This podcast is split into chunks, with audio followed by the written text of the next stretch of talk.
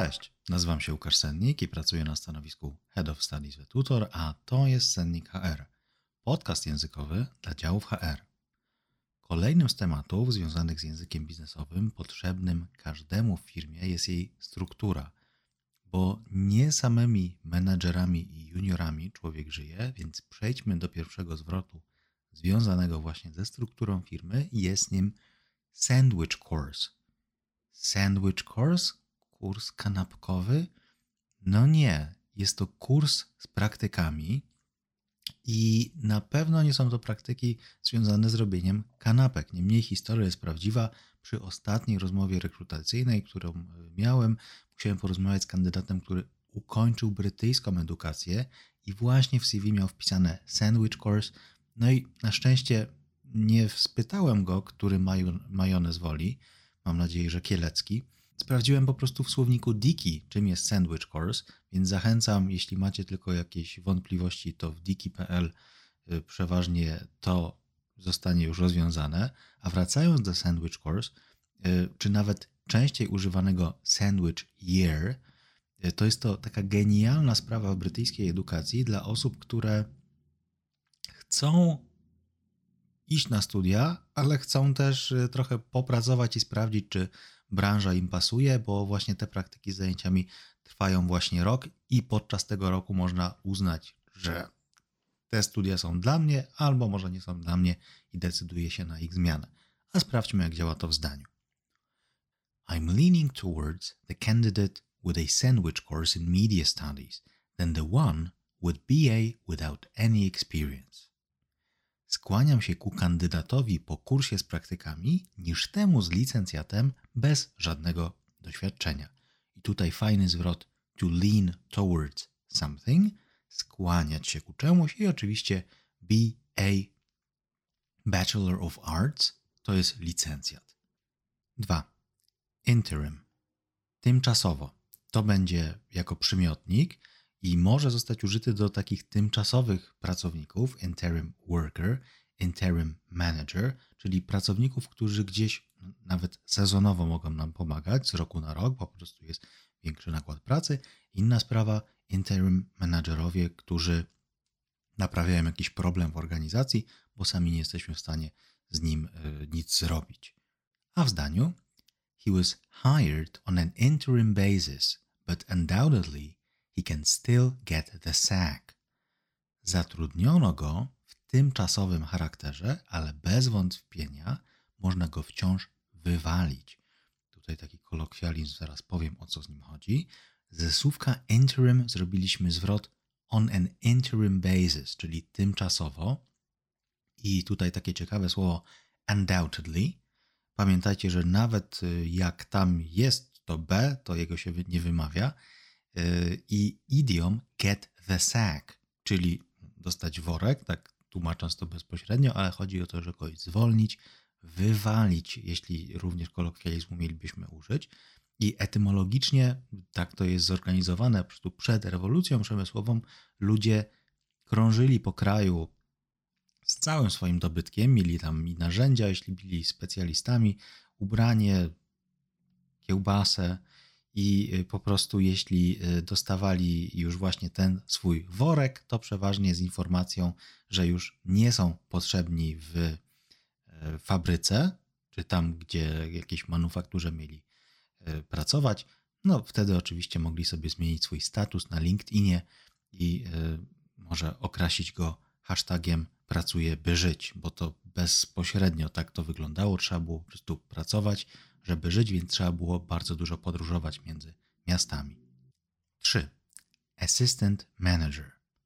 Zastępca menadżera, niezależnie od branży, i to jest takie przydatne słowo, bo akurat bardzo często rozmawiam z zastępcami kierowników marketów, no i wtedy właśnie pojawia się problem, jak określić to, że ja nie jestem tym kierownikiem, ale jestem jego zastępcą. Przypominam, Asystent to nie zabójca, więc piszemy go przez dwa S na początku i jedno potem, ale już assassin będzie miał podwójne S. Tak można to rozróżnić, żeby nie pisać assistant przez 4S zamiast przez 3. A już w zdaniu Dwight's no assistant regional manager, he's an assistant to the regional manager. Dwight nie jest żadnym zastępcą kierownika regionalnego, on jest asystentem kierownika regionalnego. Tutaj taki wewnętrzny żart z serialu The Office, który znów polecam, gdzie jeden z pracowników często zapominał dodać to the regional manager, co zmieniało jego stanowisko z asystenta na zastępcę. 4. Department. Dział. Bo tak jak mamy różne działy w firmie, z czego oczywiście najfajniejszy jest dział HR, tutaj słówko Lizu w słowniku ma akurat 25 różnych znaczeń, więc zachęcam do sprawdzenia. Wracając do departamentu, czyli do działu po polsku, y, możemy go użyć w zdaniu tak. Right church, wrong pew. The HR department is down the corridor. Trafiłeś pod zły adres. Dział HR jest na końcu korytarza. Bardzo ciekawy idiom. Right church, czyli dobry kościół, ale zła ławka kościelna. Pew to jest właśnie ławka kościelna. Chodzi o to, że po prostu niekoniecznie trafiliśmy pod dobry adres. I tak troszkę tam trzeba coś zmienić. 5. Division. Pion. I tutaj już mocno wchodzimy w administrację państwową. Mieliśmy departament przed sekundą, teraz już pion. Okazuje się, że nie wszędzie właśnie możemy użyć słówka department, bo kilka działów składa się w takich większych organizacjach rządowych na pion. I no, samo słówko jest tak pewnie fascynujące dla wielu z Was, jak patrzenie jak schnie farba, ale mogę powiedzieć, że słówko division może być znane wszystkim osobom, które kochają koszykówkę. Ja te e, osoby rozpoznaję po tym, że na LinkedInie mają dopisane NBA, bo właśnie w NBA y, jest podział na divisions, czyli takie piony. Y, to jest geograficznie tam y, uzasadnione, bo kiedyś no, sam kraj jest ogromny i kiedyś ze względów geograficznych trzeba było jakoś podzielić te drużyny, żeby nie było takiej sytuacji, że Lakersi muszą pół roku jechać konno, żeby zagrać z New York Knicks. To powstały divisions, czyli takie piony koszykówkowe, wtedy po prostu drużyny z okolicy, z okolicy wielkości kilku krajów europejskich, no, grają razem, jest im po prostu łatwiej, czy było łatwiej, jak nie było jeszcze samolotów, yy, takich popularniejszych i tańszych, spotkać się, pograć. A w zdaniu You've got nothing else to prove in this division. You're scraping your own ceiling. Nie masz już nic do udowodnienia w tym pionie. Szurasz o sufit, który sam zrobiłeś. Scraping szuranie, drapanie. 6. Branch. Oddział. I tutaj bardzo prosto możemy zobrazować to sobie, bo branch to jest również gałąź, więc y, tak jak różne oddziały firmy są rozsiane na przykład po Polsce i mają taki wspólny pień, czyli headquarters, siedziba główna, no to branch to będą właśnie te oddziały, tak jak y, te gałęzie w drzewie. A już w zdaniu I wish I were relocated to our northern branch. I'd love to work at the seaside. Chciałbym, żeby przenieśli mnie do naszego północnego oddziału. Byłoby wspaniale pracować nad morzem. I tutaj taka zagwostka dla osób, które spadły z krzesła, bo usłyszały where obok I. E, to jest jak najbardziej poprawna forma. Jest to tak zwany wish, czyli takie życzenie, gdybanie o rzeczach nieprawdopodobnych i jak jest coś nieprawdopodobnego, to właśnie do pierwszej osoby liczby pojedynczej użyjemy were, if I were. 7. Subsidiary. Spółka zależna.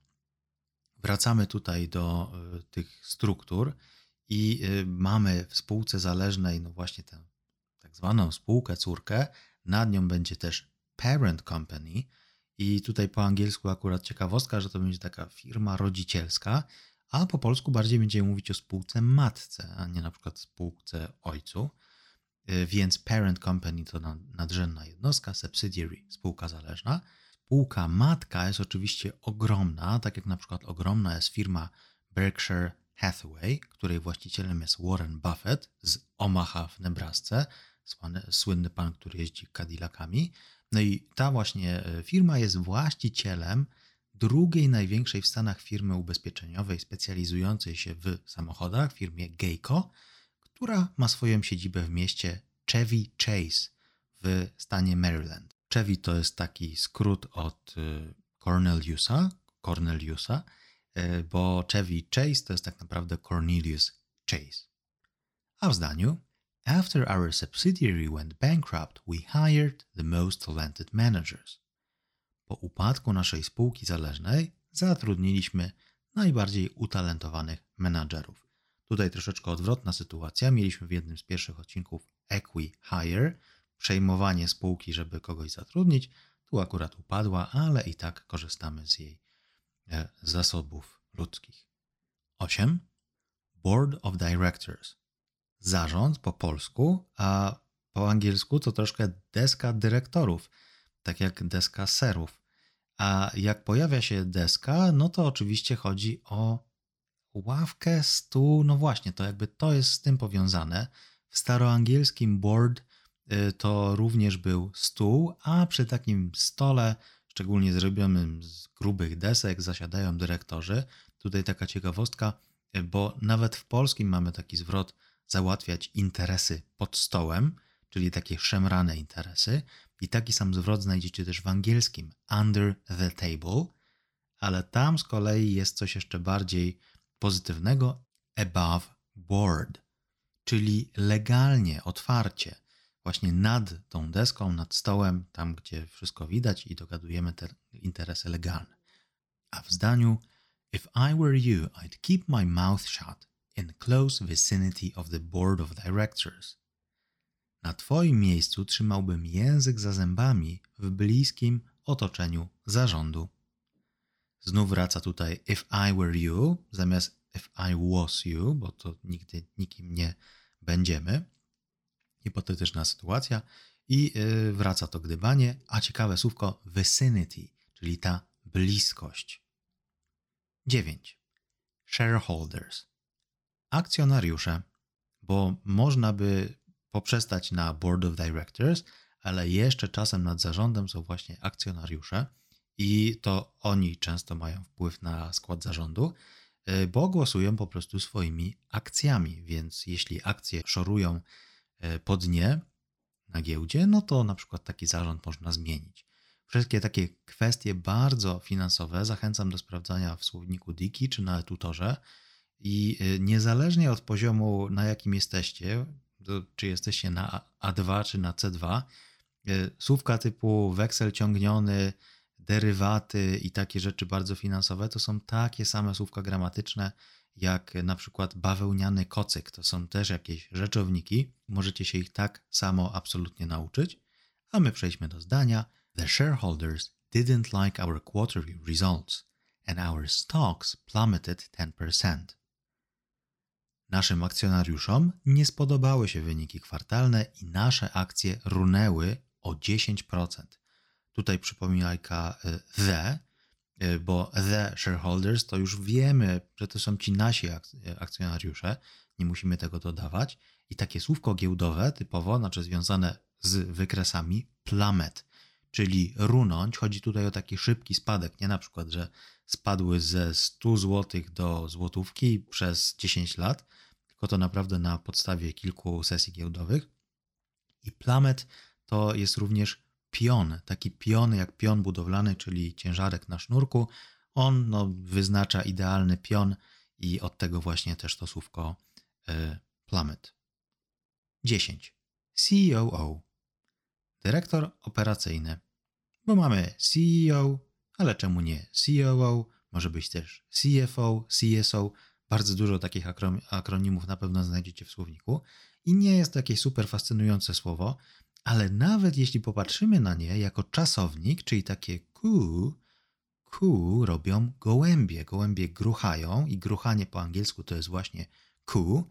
A jak już mówimy o gołębiach i pracy w filmie, to żal nie wspomnieć o takim pięknym pomyśle, czyli o pigeonhole. Pigeonhole, czyli takiej naszej swojskiej przegródce, takim miejscu, gdzie ktoś może komuś zostawić jakieś dokumenty do podpisania.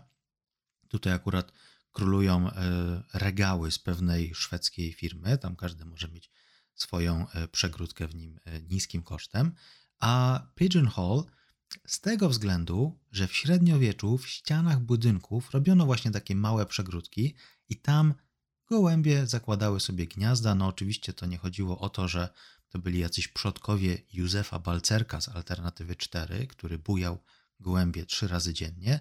Ludzie w średniowieczu po prostu gołębie jedli, więc no była to taka troszkę średniowieczna, świeża lodówka. Zawsze można było sobie tam z niej złapać jakiegoś gołębia na rosół. No i pigeonhole to również czasownik. To pigeonhole somebody to po naszemu szufladkować kogoś, zaszufladkować kogoś. Tak jak w naszym zdaniu. Don't pigeonhole our new COO. Her knowledge just seems superficial, but she's an expert in her field. Nie szufladkuj naszej nowej dyrektor operacyjnej. Jej wiedza tylko wydaje się powierzchowna, ale jest ekspertką w swojej dziedzinie. Powtórzmy słówka. 1. Sandwich course. Kurs z praktykami. 2. Interim. Tymczasowy. 3.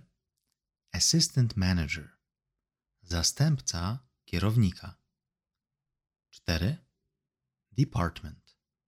Dział. 5. Division. Pion. 6. Branch. Oddział. 7. Subsidiary. Spółka zależna. 8.